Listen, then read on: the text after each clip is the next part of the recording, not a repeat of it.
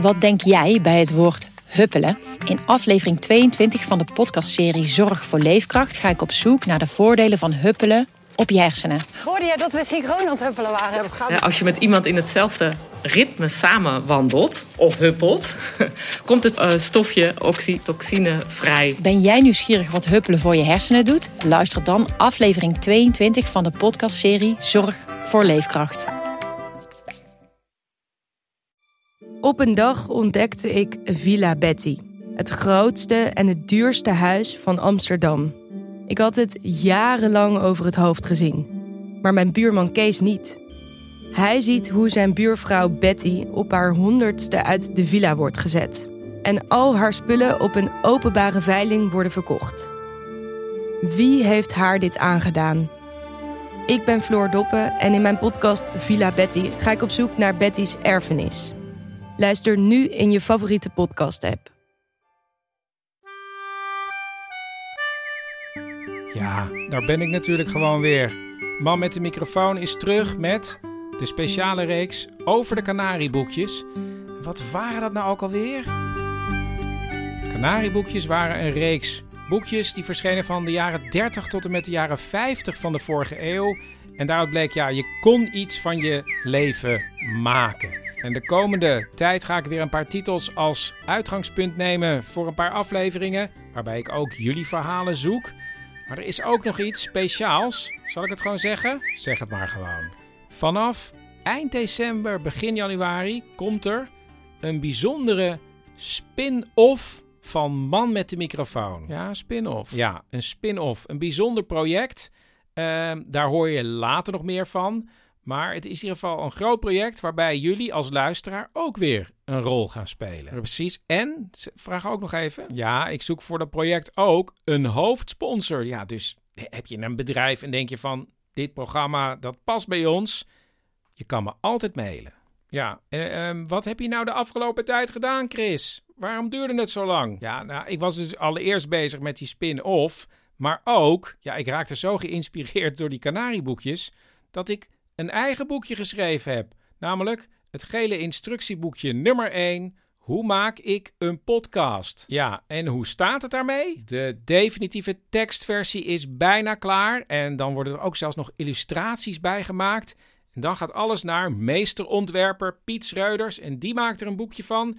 En dan is het eind november, begin december te verkrijgen. Ideaal voor de feestdagen. Goed, uh, ik ga zo weer een nieuwe titel uh, prijsgeven van een kanarieboekje, een echt kanarieboekje wat verscheen tussen de jaren 30 en 50. Daar ga ik ook jullie verhalen weer bij vragen. Maar ja, het bleek dat ik niet de enige was die geïnspireerd raakte door de kanarieboekjes.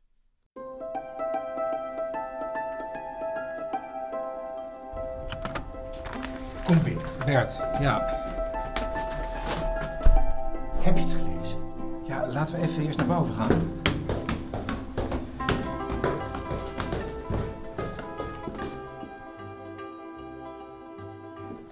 Uh, ja, Bert, even voor de luisteraars. Ja. Uh, je hebt ook, of je bent bezig met het schrijven van een soort kanarieboekje. Ja, ik, uh, ik uh, was geïnspireerd. Ja, getiteld?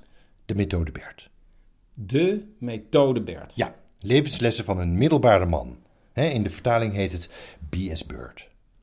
Maar het is er nog niet. Omdat je... Nee, nee, nee, maar Ich bin wie Bert, hè, dat had ook gekund, maar die Engelse markt die is gewoon veel groter. Ja. Ja, wat vond je ervan?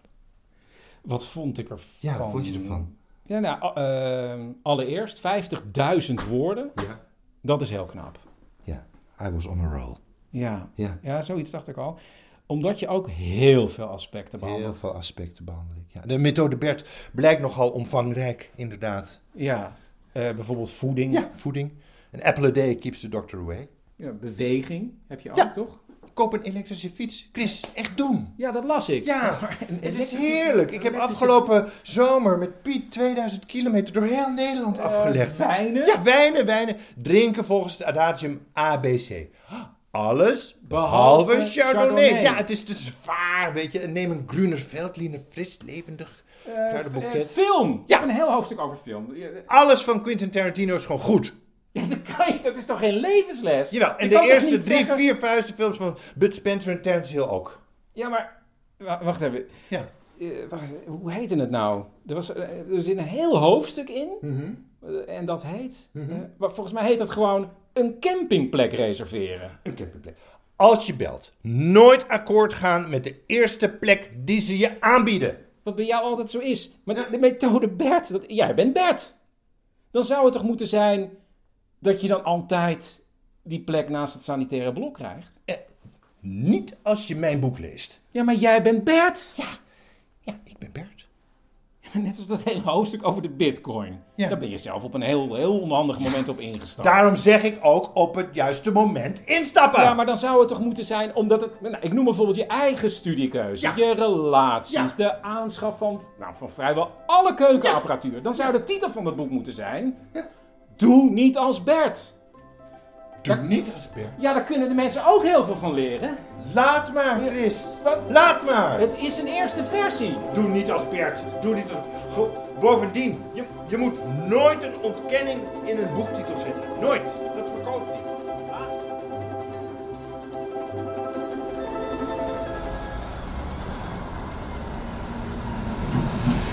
Ik sta hier in eh, de winkelstraat bij mij in de buurt voor een pand. En daar staat heel groot op computerdokter.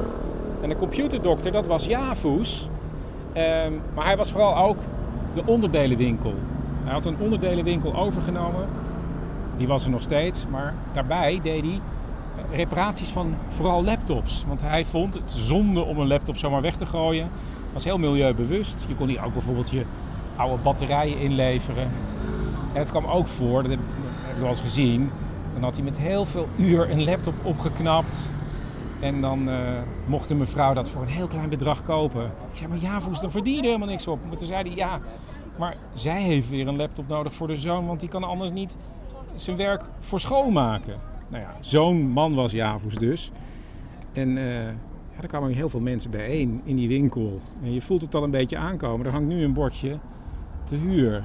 Want eerst was Javus er niet meer. Werd de winkel gerund door een paar andere mannen. En ik heb nog geprobeerd contact te zoeken met, met, met maar dat lukte me niet. Ja, nu is de winkel verlaten. Nou ja, er liggen nog heel veel spullen binnen. En ja, ik moest een beetje eraan denken toen ik weer door mijn kanarieboekjes heen zat te bladeren. En toen zag ik kanarieboekje nummer 35. Zo houdt een winkelier zijn klanten vast. En ik dacht, ja, het is natuurlijk ook verschrikkelijk moeilijk om die winkel überhaupt draaiende te houden. Eh, ja, het is hem niet gelukt. Maar Chris, Ja, ja, jij zit nu in de thuisstudio. ja, ja klopt. Misschien kan jij even de logistiek bespreken van eh, de komende uitzending? Ja, maar, maar zeg nog even wat je ziet daar. Ja, eh, hiervoor in de etalage oude laptops waarvan de achterkanten opengebroken zijn. Misschien is er nog wat uitgehaald. Ik zie een hele grote doos met allemaal kwasten. eh, een soort TL-buizen allemaal bij elkaar. Ja, onderdelen volgens mij nog in schappen van stofzuigers, stofzuigerzakken en zo. En heel veel volle vuilniszakken met dingen ja, erin die ik niet kan zien. Oké, ja, dank voor de beschrijving. Ja, Ik eh, neem het over. Jo, succes. Ik zoek dus verhalen rondom winkeliers. Misschien ben jij ooit een winkel begonnen, was het je grote droom, maar liep het uit op een fiasco. Wat ging er mis? Dat wil ik heel graag horen. Misschien heb je zelf een bizarre winkelervaring gehad. Of ben je de zoon of dochter van winkeliers? Wat betekent dat voor je jeugd? En wat is er toen gebeurd wat je met ons kunt delen? Nou, dat soort verhalen zoek ik. Bel het door. Drie woorden mag je doorbellen. Naar 084 83 71 282.